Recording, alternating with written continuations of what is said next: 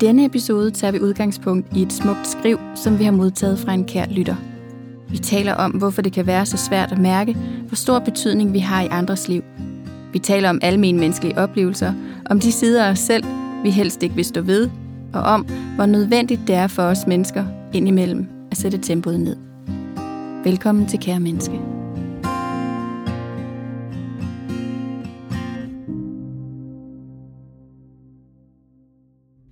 Mette, vi har modtaget en mail fra en lytter. Spændende. Det er så dejligt, at ja. vi får lov til at blive inspireret af ja. jer derude, der sidder og lytter med. Ja, det er virkelig vidunderligt, at I involverer jer. Vi bliver så glade. Helt vildt glade. Så jeg tænkte på, skulle jeg ikke bare læse op for dig, hvad der er skrevet? Jo. Så vores kære lytter skriver sådan her. Jeg kunne godt tænke mig, at I talte om det at være mere bevidst omkring, hvad man betyder for andre mennesker. Jeg har en tendens til at undervurdere min egen betydning i andre menneskers liv. Jeg har flere gange oplevet, at jeg har betydet meget for et andet menneske, men uden selv at være klar over, hvor meget. Hvordan kan det være? Skyldes det lavt selvværd, beskedenhed, eller hvilke mekanismer inde i mig er det, der gør, at jeg undervurderer min rolle og betydning i andre menneskers liv? Jeg har lige siddet og kigget mine gamle breve igennem og tænkte, wow, hvor har jeg været elsket og værdsat, uden egentlig at kunne mærke, hvor meget? Eller kunne tage det ind? Har vi for travlt? Er vi for optaget af det næste, vi er på vej hen imod? Måske I kan bruge mine tanker i jeres skønne podcast. Wow, det var virkelig smukt skrevet. Meget smukt skrevet. Ja. Og jeg tror virkelig, at det der rammer ned i noget, der er rigtig mange andre, der kan ikke genkende til, eller måske er totalt ubevidste omkring. Wow, hvor var det fint. Altså ikke en dejlig oplevelse, og dog trods alt opdage det nu. Ja, det var også noget af det, jeg lagde mærke til, da jeg læste den. Mm-hmm. At ja, wow, sikkert en sorg på mange måder, at opdage, at man ikke har mærket, hvor elsket man måske har været, men også så finde ud af det, yeah. og nu kunne se al den kærlighed, der faktisk har været til rådighed mm-hmm. hele tiden. Ja. Ja, og måske bruge det som afsæt til at lægge mærke til det, der så også er nu. Ja. Ja. Men det var jo ikke spørgsmålet, var jo, hvorfor vi ikke opdager det undervejs. Ja. Og den er jo virkelig interessant. Så det var i virkeligheden flere spørgsmål ja. i en, ikke? Jo, for der var også noget refleksion over, hvordan kan det være. Ja. Mm. Så hvad er dine umiddelbare tanker i forhold til det? Hmm. Øh, altså min umiddelbare tanker, det er jo, at, at den her kære person her måske øh, har været meget uselvisk. Og bare har givet uden at forvente noget igen. Mm. Hvilket jo er virkelig smukt. Virkelig smukt. Ja. Men det jeg alligevel læser, når jeg så hører den der frustration, der kommer lidt længere ned i spørgsmålet, det er, hmm, måske vedkommende bare har kigget den anden vej, eller har kigget efter noget andet på de tidspunkter, hvor kærligheden eller taknemmeligheden, eller hvad det er, der er kommet strømmende. Altså, og ikke har opdaget det. Måske endda, selvom om øh, det har været noget, der ville have været værdifuldt, mm. eller måske endda var savnet også på det tidspunkt, så var det der. Altså, jeg kan i hvert fald godt genkende det her med, at, at jeg på en eller anden måde nogle gange kan opleve at miste kontakten eller forbindelsen til både til mig selv, men også til dem omkring mig, når jeg er for travl. Åh oh, ja. Så når hverdagen går lidt for stærkt, og der bliver for mange øh, gøremål, så, så kan jeg også, så kan jeg i hvert fald genkende den der fornemmelse af sådan, jeg ved ikke, det skriver vedkommende her jo ikke, men sådan en fornemmelse af ensomhed på en eller anden måde. Jeg kan komme til at føle mig enormt alene i alle de der øh, travle ting. Mm-hmm. Ja, den kan jeg godt genkende til, det den der. Og så tænker jeg, at det har noget med fokus at gøre. Så har ja. fokus været på et eller andet andet udenfor, eller noget andet, der ikke havde med den der relation at gøre, som stod der og måske endda øste ud af sin kærlighed, uden det blev opdaget. Ja. Mm, ja, den kan jeg virkelig godt følge. Så en del af det kan måske godt være det her med, at ja, det kan faktisk godt være, at vi har for travlt. Mm-hmm. At vi simpelthen glemmer at, at stoppe op og, og værdsætte de der små bitte øjeblikke, fordi i, i virkeligheden kan man sige, at rigtig tit, sådan som jeg oplever det i hvert fald, der hvor kærligheden er aller, aller tydeligst, det er jo i små momenter. Mm. Det er jo de der stunder. Det kan være en stund, hvor man krammer sit barn. Det kan være en samtale, man har med en, en nær veninde. Det kan være en særlig samtale, man har med sin ægtefælle eller kæreste, eller hvem der nu er tæt på. Mm-hmm. Men det er jo i de der øjeblikke, stunder, som på en eller anden måde, når jeg sådan kigger på dem overordnet, har det til fælles, at der er en vis grad af langsomlighed. Der er tid. Mm. Ikke? Ja. Tid er faktisk en meget stor faktor i det her, tror jeg. Ja. Tid og opmærksomhed. Mm. Ja, den kan jeg virkelig godt kende. Hvad de øh, menneskelige faktorer er, der ligger bag, det er jeg ikke klog på. Men jeg er helt sikker på, at det er universelt. At når vi har fået travlt, så smutter ting for os. Ja. Også de kærlige intentioner, andre kommer med. Jeg synes, det kan være enormt svært at modtage. Jeg oplever, at når jeg er fortravlet og har andre ting på tapetet, end måske lige min datter, der kommer hen og lige vil give et hurtigt kys, så kan jeg blive helt irriteret. Mm. Det er faktisk øh, egentlig ikke noget, jeg overhovedet har lyst til at sige højt, men sådan kan jeg faktisk godt lige pludselig have det en gang, men hvis jeg står med hovedet i noget andet, at jeg kan tage mig selv i at blive helt irriteret over, at nu kom hun der og ville bare lige give et hurtigt kys og så videre igen. Ja. Hmm. Mm. Så det er om at stoppe op. Det er vel egentlig et fravær af at være i nuet. Det tænker jeg, det er jo i hvert fald en modsætning til det, ikke? Ja. Øhm. Og jeg tænker også, at det er en, en naturlig del, når jeg tænker på os som menneske, Mm. mm. og os som mekanisme, hvis man kan sige det sådan, ikke? At vi, vi jo, vores hjerne er jo meget, hvad kan man sige, hvis den er meget travl, så vil den også lynhurtigt blive, inden for compassion-fokuseret terapi, vil man kalde det trusselsaktiveret. Mm. I hvert fald, hvis den er travl for lang tid af gangen.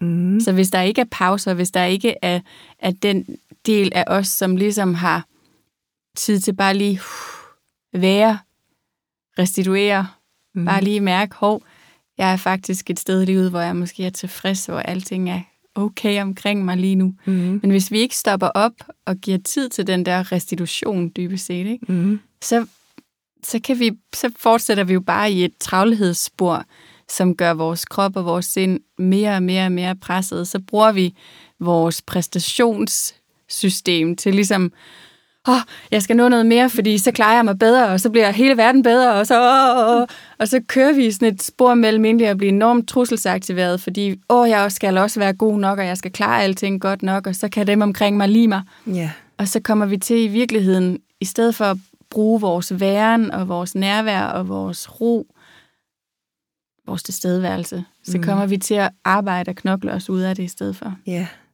Og så mister vi jo forbindelsen Oh yes. til dem omkring os og til Og os til selv. selv. Præcis, siger koret. Ja, Ikke? fuldstændig. Og jeg kan ikke lade være, siger åndedrætsterapeuten så herover, når du siger det her med trusselsaktiveringen. Fordi det er jo det, vi ser på folk, når, når, når de har været i trusselsaktiveret alt for længe, så alt jo forkrampet. Ja. Alt er spændt op. Og lige så snart man kan slippe indefra, og skuldrene falder ned, så begynder man jo også at lægge mærke til ting omkring sig. Eller oh, ting ind i sig selv. ja, lige præcis. Ja. Lige præcis. Altså noget af det, jeg måler det meget på i forhold til mig selv, det er, hvis jeg i løbet af en dag lægger mærke til for eksempel en fugl, der flyver på himlen, eller et blad på et træ, der lige ser anderledes ud, eller blæser på en helt særlig måde, Mm. så ved jeg, at jeg har kontakt til den del af mig. Fordi det er en naturlig del af min opmærksomhed at være at bruge naturen og se Gud, lige det der lys i himlen, det er da fuldstændig vidunderligt lige nu. Mm-hmm. Så jeg ved, at hvis, hvis den del er noget, jeg bemærker, så er jeg et okay sted. Ja. Til gengæld ved jeg også, at hvis jeg er gået igennem en dag, og faktisk slet ikke engang har kigget på himlen, så har jeg måske været for travlet. Ja. Din travle skridt. Min, tra- min kære travle. skridt. ja. Præcis. ja. Ja. Kan man, er der øh, noget psykologisk, man kunne forklare den her måde, vores øh, kære lytter beskriver situationen på? Altså det, man kan sige, det er jo, at det vi mennesker har til fælles, det er, at det betyder utrolig meget for os at være en del af et fællesskab. Mm. Det betyder utrolig meget for os at vide, at vi hører til. Og det gør det, fordi at det simpelthen på et tidspunkt var lige med vores overlevelse. Så, så for mange, mange tusind år siden, der ville vi ikke kunne overleve, hvis vi var alene. Mm. Øhm, og jeg tænker, det er så... Jeg bliver altid dybt fascineret af det faktum, når man kigger på, at vi, når vi kigger på ensomhed i dag for eksempel, og kan se, at vi, vi kan blive syge af at være ensomme, ikke? Mm. hvor meget det faktisk betyder for vores livskvalitet, at vi ikke oplever, at vi er ensomme. Øh, vi kan jo godt opleve at være ensomme, selvom vi for eksempel er i en familie eller har masser af mennesker omkring os. Oh yes. Så ensomhed er, er, er mange ting dybest set. Ikke? Det kan både være en rent fysisk ensomhed, men det kan også være absolut være en følelsesmæssig ensomhed. Bestemt. Men, men det ligger så dybt i os, det der med at have brug for fællesskabet og have brug for hinanden. Mm. Så, så det er også noget af det, der gør, at vores hjerne er super opmærksom på, om vi nu er det. Mm. Så vi er sådan hardwired, kan man sige på et godt dansk ord, til at være, have vores opmærksomhed hele tiden på, passer jeg nu ind, og hvad kan jeg gøre for at passe bedre ind i, i gruppen? Mm. Så det er jo også derfor, at hvis vi for eksempel er en del af en kultur, hvor, hvor det at være meget travl eller præstere enormt meget, er det, der ligesom bliver målestokken for, om man er et godt menneske, Mm. så er det det, vi hurtigt kan falde til, fordi vi tænker, at man må hellere gøre ligesom alle de andre for at passe ind. Mm. Og det samme kan man sige, hvis man for eksempel oplever, at jamen, jeg får mest kærlighed, hvis jeg er let medgørlig, hvis jeg nu øh, tilpasser mig de omgivelser, jeg er i, hvis nu er jeg at den, der altid står først og klar til at hjælpe, så er jeg elsket, og så hører jeg til. Mm. Så, så der er så mange faldgrupper, og vi kan have lært dem hjemmefra, vi kan have lært dem i skolen, vi kan have lært dem fra den kultur, vi befinder os i, både i mindre kulturer, men jo også i hele vores samfund. Mm-hmm. Så der er så mange af de der ting, som, som helt ubevidst fortæller os, hvad er det, du skal gøre for at sikre din plads i gruppen. Mm. Så der er så mange fælder, vi kan falde i. Så, så man kan sige, jeg, jeg tænker, det er meget mere strukturelt og kulturelt, end jeg tænker, at det er et manglende selvværd i den enkelte. Mm. Fordi at vi har alle sammen, sådan som jeg oplever det og ser det, manglende selvværd nogle gange. Ja. Ja. Vi kan alle sammen komme i tvivl om, hov, hører jeg til? Hov, er jeg elsket? Mm. I perioder af vores liv. Ja, er jeg Ikke? god nok til det? Er jeg god nok? Mm. Er jeg god nok i det hele taget, ja. Mm. Hmm. Ja. Så det er nok meget alment. Og så sidder vi alligevel hver især og tænker, au. Oha. Og det gør vi måske også, fordi vi kan genkalde følelsen. Ja, måske. Vi skal have nogle flere Olle Koller, så folk ikke sidder derude og... Ja, lige præcis. Lige præcis. Vi kan gøre rigtig mange ting for at, at hjælpe til at understøtte et fællesskab. mm. Det kan vi virkelig, men jeg, men jeg tror, at altså noget, der optager mig rigtig meget lige for tiden, det er virkelig det der med, hvordan kan vi hive det lidt mere ud af individet. Fordi at, at der er så mange af os, der tror, at der er noget galt med os, hvis vi kæmper med nogle ting inde i, der kan være svære. Ikke? Men i virkeligheden er der jo bare utrolig mange ting i verden, der gør, at det kan være nemt at snuble som menneske. Oh ja. Ja. Og så er livet jo, det har jo virkelig mange facetter. Altså, det kommer jo hele fagskalaen igennem næsten over tid. Vi kan jo ikke rende rundt og være super lykkelige fra vi bliver født til vi går i graven. Der vil jo være udsving. Og det tror jeg også er, er sundt at ligesom acceptere, at nogle gange går det bedre end andre gange. Absolut. Men det er okay. Ja. Ja.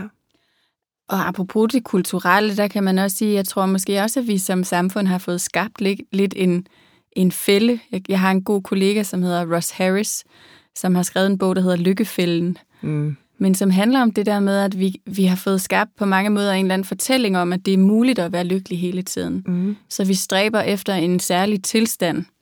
Øhm, men jeg, det jeg godt kan lide at gøre rigtig meget, og det er jeg ikke den eneste, der gør, men det er det der med at kigge mere efter mening frem for lykke. Mm. Fordi lykke er en følelse, som er fuldstændig vidunderlig, når den er der. Jeg tror, vi alle sammen kan blive enige om, det kunne være fedt, hvis den kunne være der 24-7. Åh oh, ja. Men hvis den var det, så ville vi ikke vide, det var det, det var. Nej, lige præcis. Og så vil den blive leverpostej. Ja. Så vil vi stræbe efter noget andet for at kunne mærke os selv ikke? Ja, og hinanden. ja. Det er jo også interessant, faktisk lige præcis i lykkeforskningen, når de dykker ned i det her med folk, der brændende ønsker sig en eller anden ting. Altså om det så er et par støvler, eller en ny bil, eller whatever det er. Lige så snart de har opnået det, jamen så er det bare accepteret, at det er en ting, man har, og så er det det næste ting. Mm. Så vi stræber hele tiden efter næste niveau. Ja. Og så er det jo svært, så bliver lykken jo svær at fange. Så bliver det jo ligesom at rende rundt efter katten, der bliver ved med at smutte imellem hænderne på en, ikke? Jo, det bliver super, super flygtig, ikke? Ja, det gør det nemlig. Og det er almen menneskeligt, hvis Ja. vi skal hjælpe vores lytter her med at prøve at svare på det. Ja. Ja, Det er almen menneskeligt. ja. Jeg har øh, en kær, kær, kær ven, der hedder Anders Tordal, som øh, desværre har fået sklerose. Han, var en, han er faktisk stadigvæk en vidunderlig kunstner. Øhm, og han har engang lavet et maleri. Øhm, han har sådan en, en særlig og, og dejlig streg, når han øh, udtrykker sig. Men han har lavet et maleri på et tidspunkt, der hedder Tænk, hvis lykken var en lyserød firkant. Og så er næsten hele lærredet lyserødt, men ikke helt, fordi der er lige sådan en lille, lille elform ude den ene side, hvor der er noget andet. Og den er simpelthen så fin, fordi den er så ukurant og ukorrekt, og alligevel så smuk. Ja. Fordi så står der med sådan nogle lidt barnlige på en eller anden måde, eller i hvert fald svungne bogstaver. Tænk, hvis, lys, hvis lykken var en lyserød firkant. Jeg synes, den siger det hele. Mm. Fordi jeg tænkte, hvis det var så nemt, men sådan er det bare ikke. Sådan er det bare ikke. Nej, Sådan er det virkelig bare ikke. det er det ikke. Ja, tænk, der har han simpelthen fanget det hele, den gode Anders. Susa, som han hedder, hvis folk er interesseret i hans meget, meget lækre kunst. Og det er jo noget af det, der er så vidunderligt ved kunst. Ikke? Det er jo det, det Ja. kan. Ja.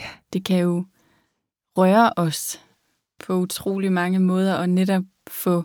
Altså, jeg elsker det, fordi jeg er et meget visuelt menneske, så for mig er det sådan noget, der virkelig kan... Jeg netop kan være med til at sætte perspektiver på livet på nye måder. Mm. Ja, det vækker jo følelser at stå og Ja. kigge på et billede. Præcis. Ja. Og så er det sjovt, hvis man kigger på billeder med andre, som ser noget andet, end det man selv gør, ikke? Jo. Det kan være så forskelligt, hvilket jeg i øvrigt også synes understreger det her med, hvor forskelligt vi tolker ikke kun et billede, men ord, der bliver sagt, eller handlinger, der bliver gjort, eller ikke gjort, eller at nogle gange opdager vi, at vi har gjort en forskel, og andre gange opdager vi det overhovedet ikke. Nej. Mm. Nej, og det er jo det. Og så er der jo også hele tiden... Altså, der er virkelig også bare det vilkår, at vores hjerne, den er, den er meget mere skabt til at kigge på alt det, der kan gå galt. Alt Ja. det, der er en trussel for os, og alt det, som vi frem for, at den kigger på, nej, hvor gik det godt, det her. Mm. Og det er mega ærgerligt, det er sådan. Ja, det er, Men- det er faktisk rigtig trist. Men vi skal være enormt bevidste om at få øje på det, og det er jo også derfor det der med lige pludselig så at gå tilbage for eksempel og kigge, hov gud her, wow, tænk hvor elsket jeg har været i den her relation, det synes jeg er så fint og så smukt. Ja, for søren. Det er mere at svømme i den. Det er mere at svømme i den, og, Ja. så, og så på en eller anden måde kan man sige, sætte sig ned og, og holde de der øjeblikke og de der minder og de der ting Mm. nært, fordi at, at vi kan jo kontakte det igen, Mm. kropsligt og mentalt, så kan vi jo i virkeligheden, når vi sidder og tænker tilbage på en situation, fuldstændig ligesom vi gør det med alle dem, der gik knap så godt, Ja. Så kan vi også gøre det med det, der gik godt. ja, præcis. Og neurologisk sker der jo faktisk noget op i hovedet, når vi gør præcis den øvelse der. Der sker noget i vores nervesystem. Ja, det gør ja. der nemlig. Øhm, og det sjove er jo, at den kan man jo godt forstærke. For eksempel vedkommende, der, har, der sidder og læser de her gamle breve og, og gennemlever det hele igen, eller i hvert fald genoplever det, kan jo i virkeligheden også genoptage relationen. Mm. I hvert fald hvis det er nulevende, kan man så sige, ikke også? Jo. Og så skrive et, et øh, tak tilbage. Ja. Ej, jeg har lige fundet alle de her gamle breve. Hvor var det dejligt at læse. Ja. Tak for alt det, vi havde, eller whatever. Og så igen, apropos lykke, så stiger man lidt, Mm, så længe man er i den her oplevelse. ja. Ja. Jeg kommer også til at tænke på, når du siger det, at, at jeg tror måske også, at noget af det, der er vigtigt, eller noget af det, jeg i hvert fald øver mig på, det er faktisk at fortælle dem omkring mig, at jeg elsker dem, og at jeg værdsætter dem. Og, altså, vi, vi to for eksempel, vi skriver også tit tak for dig til Mm. hinanden, ikke? Mm. Fordi det er jo også en måde, vi kan... Nogle gange, så kan man godt komme til sådan lidt at leve i den der, men jeg har jo sagt en gang, at jeg godt kan lide dig, så det gælder stadigvæk. Ja, Men, men, men jeg kan i hvert fald mærke, at der er noget i den der udveksling af varme og af kærlighed, ikke? At sådan, mm. hey, også i dag værdsætter jeg dig, ja, ikke? At det er jo, og det er jo sådan en lille bitte ting, som, som kan gøre sådan, ah, okay, ja, ja. Og man bliver så glad, når man modtager sådan en besked. helt vildt. Ja. Og det er jo ikke noget, der tager tid fra en. Overhovedet ikke. Mm-mm. Men den Overhovedet kan godt være svær, faktisk, har jeg oplevet. Særligt, da jeg døde med stress. Ej, jeg kunne næsten ikke... Øh... Ej, for så tænker jeg, så belemrede jeg også folk, hvis jeg skulle ligge og skrive det med en sms midt på arbejdsdagen. Det må jeg heller lade være med. Ikke også? Jo, Så den kan, altså... Nej, det er aldrig forkert at skrive eller sige til nogen, at man holder af dem. nej, det er nemlig aldrig forkert Mm-mm. eller ubelejligt. Nej, det er det ikke. Men det kan jo handle om de følelser, man så tumler med indeni. Ja. ja, lige præcis. Og jeg tror også, altså, det jeg tror, der nogle gange har holdt mig tilbage, det har jo også været den der, men, men hvad hvis den anden ikke havde det på samme måde? Åh oh, ja.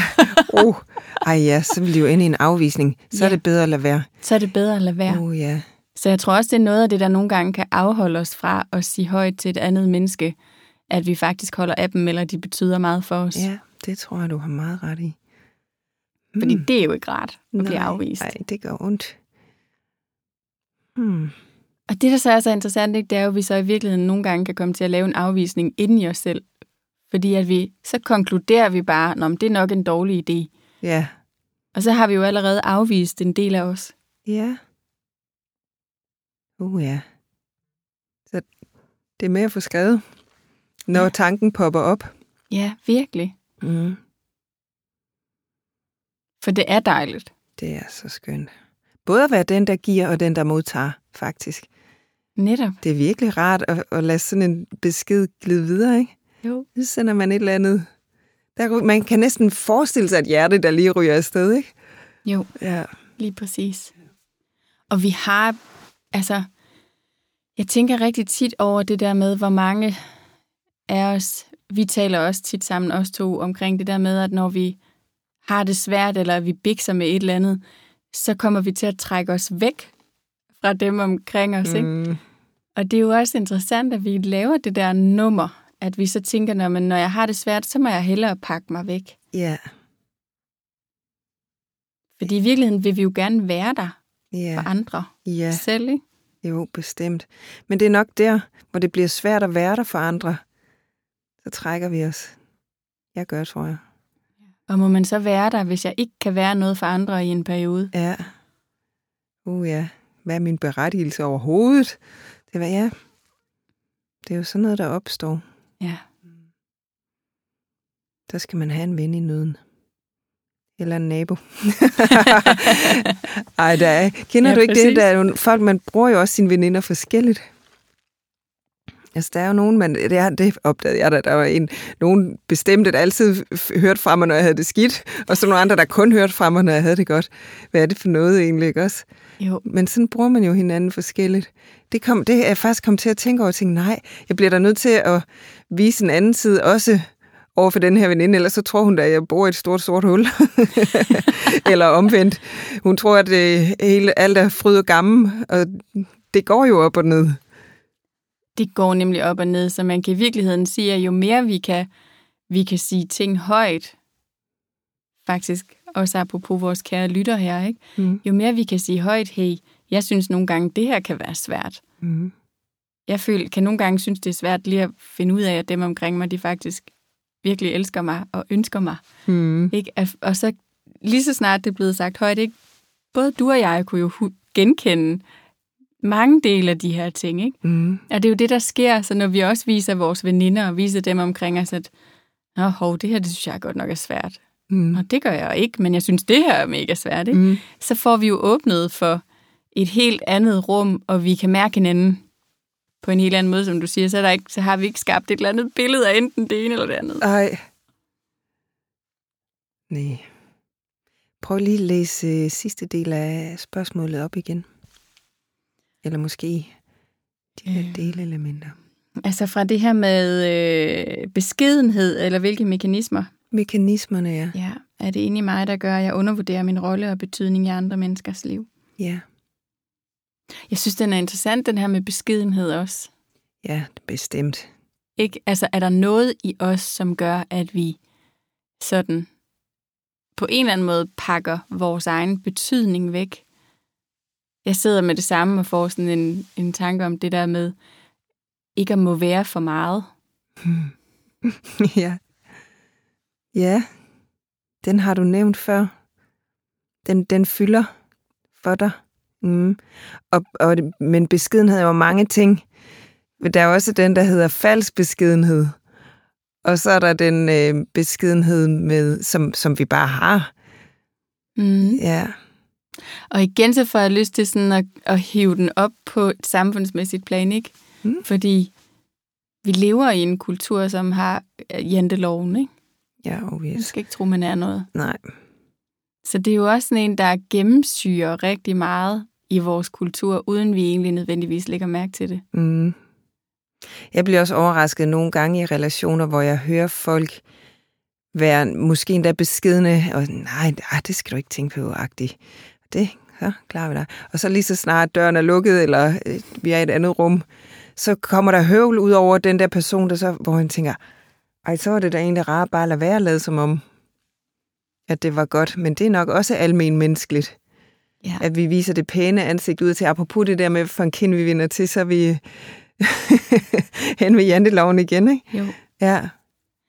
Jo, og, og jeg tror, der er jo også rigtig mange af os, som virkelig ikke bryder om vores skyggesider, ikke? Vi bryder os ikke om de der dele af os, den del af os, som faktisk kan måske sige, hey, nej, jeg synes faktisk ikke, det er okay det her, eller mm-hmm. nej, jeg kunne godt ønske mig det sådan her. Mm. Der rammer mange af os en skyggeside. Mm. Altså, må jeg godt stille krav over for andre? Hvis vi nu har den side med os, som siger, jamen jeg skal være en, der altid er tilpasningsdygtig, og en, der altid er hjælpsom, mm. og gør det så glat og nemt som overhovedet muligt for andre mennesker, Mm. så kan vi jo godt hurtigt komme til at føle, at det er noget bøvl, hvis vi faktisk har et behov, eller hvis vi faktisk har brug for, at noget er anderledes i en relation, ikke? Mm.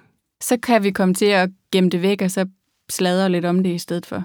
Ja. Og det er jo ikke særlig kønt, vel? Det er ikke særlig køn, og det er slet ikke køn, hvis man opdager, at man selv har lavet noget af den dur der. Vi gør Men- det jo alle sammen. Ja, ja, bestemt. Og desværre. Desværre. ja. Jeg elsker, jeg læste faktisk i går den, hvad er det for en bog, jeg er ved at læse? Jo, det er den der med øh, øh, Jytte for marketing er gået hjem. Ej, den har jeg også lige åbnet op derhjemme. Ej, hvor sjov, hvor du nået til? Hvad, hvad har du? Øh, jamen, i går der læste jeg om, øh, hvad hedder det, den del, hvor at, at vi, at, altså, som beskriver noget forskning omkring, at vi mennesker altid har tendens til at vurdere os selv højere. Ja. Så, så vi tænker altid, at jeg er jo ikke et menneske, der slader om andre, eller jeg er jo sådan en, der altid kommer til tiden. Jeg er sådan en, der altid har styr på.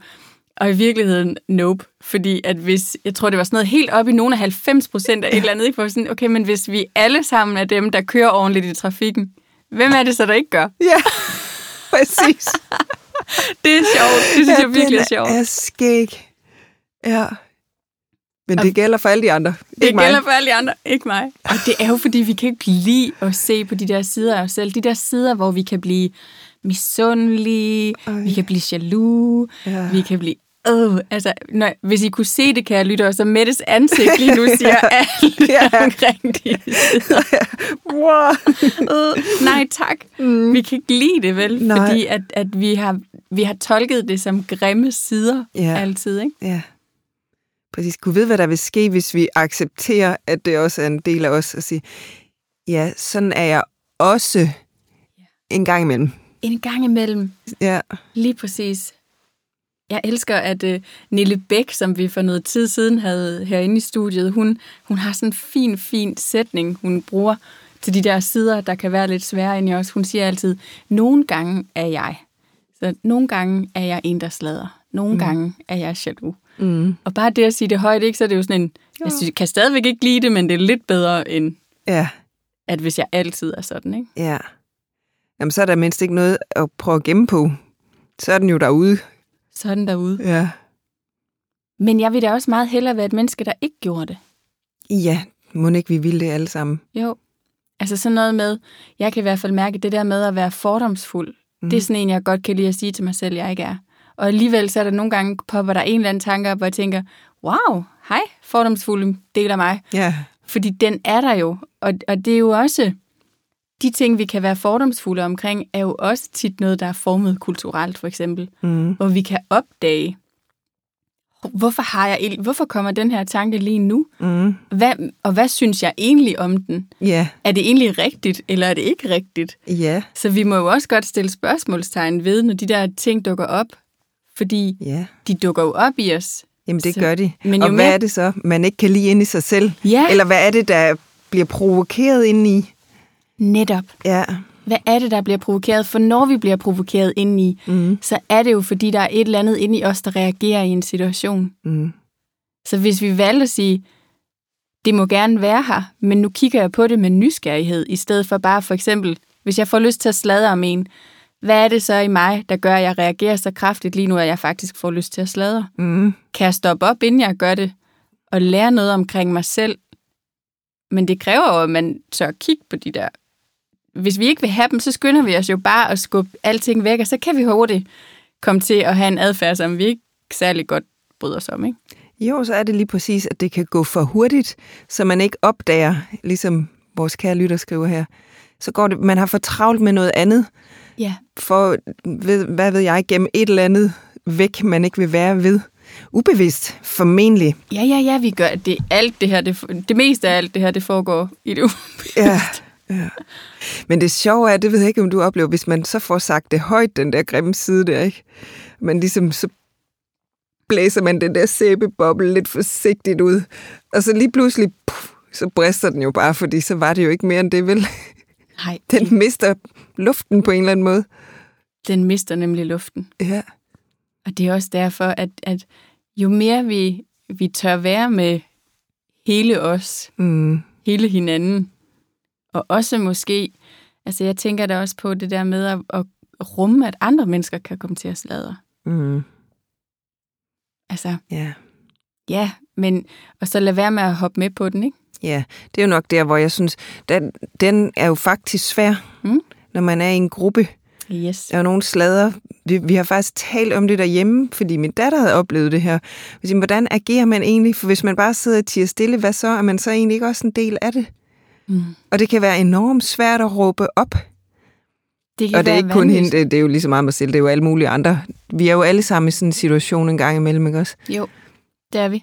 Så hvad er, det, hvad er det, vi egentlig kommer til at gøre, hvis der udspiller sig adfærd rundt om os, som vi ikke bryder os om, Ja. og som vi faktisk føler, at vi ikke har lyst til at være en del af, men kommer vi til at være stiltigende? Kommer vi til egentlig at give en stiltigende accept af det, der foregår? Ikke? Ja. Og så gør det måske stadigvæk lidt ondt indeni, fordi man ikke fik sagt, det er ikke okay det der. Ja. Ja, og så bærer man jo rundt på den selv. Ja. Og den sætter sig jo et eller andet sted. Den sætter sig et eller andet sted. Mm. Så lige der har vi virkelig brug for modet. Ja. Hvor var den interessant, den der med beskedenheden. Ja, Den havde jeg egentlig ikke tænkt ind i det her. Det, var, det er ret skarpt observeret, det der. helt vildt. Ja. Ja, beskedenhed, den er interessant, ikke? Mm. Og jeg kan godt lide, at du også med det samme linker det til falsk beskedenhed. Ja. Altså, Ja. ikke? Hvornår er det, vi egentlig kommer til netop at lave den der, nej, det er ikke nødvendigt. Det har jeg slet ikke brug for. Og inderst inde tænker vi sådan, åh, men det kunne være lækkert, hvis du lige kunne sidde her et kvarter. Ja. Bare lige at være. Ja. Nej, kør du bare. Ja.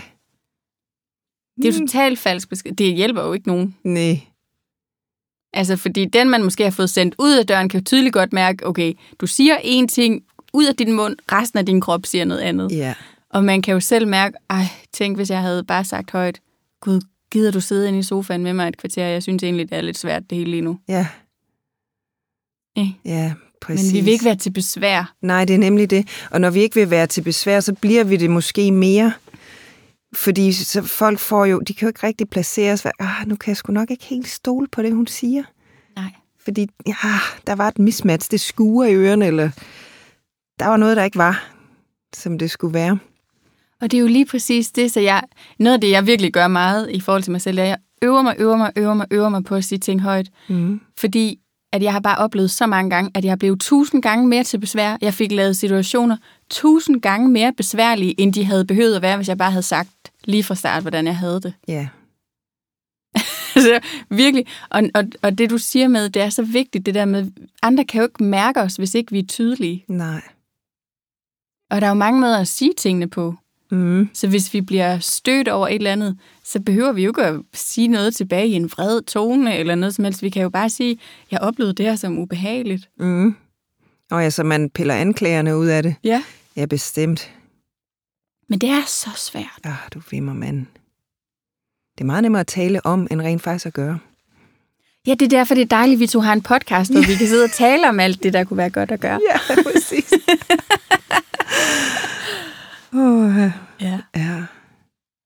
Men virkelig et godt emne. Det, jeg er simpelthen glad for vedkommende, der skrev tak ja. til dig derude. Tusind tak. Hvor er du vidunderlig. Ja, virkelig. Ja. Og i øvrigt også alle jer andre, der har skrevet. Vi har faktisk fået en, en del beskeder her på det sidste. Det er virkelig rart. Ja, og vi lover, vi har lavet en liste med jeres gode, gode emner, så vi, vi skal nok komme rundt om dem på et tidspunkt. Mm. Fordi de er alle sammen sindssygt relevante, og ja, apropos kære menneske, Mm. utrolig menneskelige. Ja, nemlig. De vækker jo total genklang. Ja, Ja, det gør de så meget. ja. Så Mette, hvad tager du øh, med fra vores øh, samtale i dag? Mm, den var god i dag. Også i dag. Øhm, det her med at øve sig i at sige ting højt, den kan jeg mærke, at den vil, den vil være god at tage fat i. Jeg kan også mærke, at når jeg siger det højt, så bliver jeg sådan helt... Uh. Fordi det betyder jo, at nogen skal jeg skuffe, eller nogen skal jeg være mere ærlig over for, hvad kommer der så ud af det?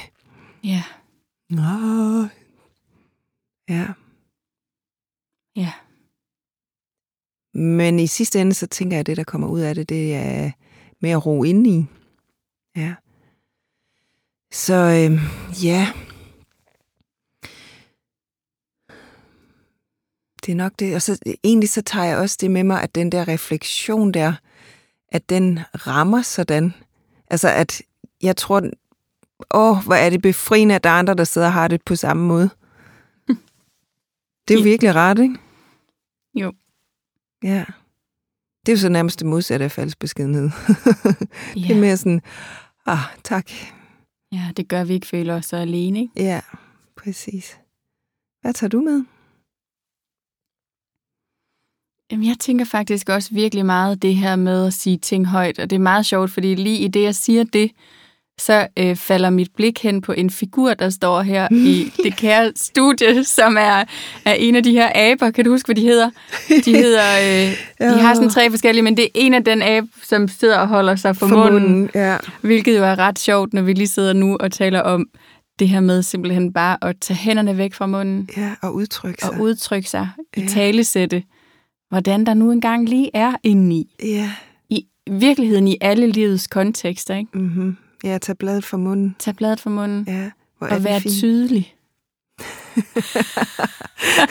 Den findes som emoji også. Den findes også som emoji, og jeg bruger den faktisk utroligt tit. Ja, det gør jeg også. Ups. Mest når jeg har klokket i den, faktisk. Ja, lige præcis, det gør jeg også. Hosa! Ja. Men ja, helt klart noget omkring det her med at være at sige ting højt og være mere tydelig. ja. Og så, og så kommer jeg virkelig også i kontakt med, hvor givende det er, når vi siger ting højt, som vi kan mærke inde i os være. Mm. Det her med, at vores kære lytter, der har skrevet ind til os, kunne det her være en episode? Kunne det være noget, I kunne bruge i jeres podcast? For ja, Tak. tak i høj, høj grad. Ja. Det er så menneskeligt, og det ligger så dybt i os, mange af de her ting. Mm. Og jo mere vi kan dele, at det her fylder Mm. i os hver især, de her forskellige nuancer, der nu kan være i det, Mm. jo mindre føler vi os alene med det. Præcis. Og det er da en gave. Det er bestemt en gave. Så tak for dig, Mette. Og tak for dig, Mie. Og tak, kære lyttere, og særligt dig, der har skrevet ind.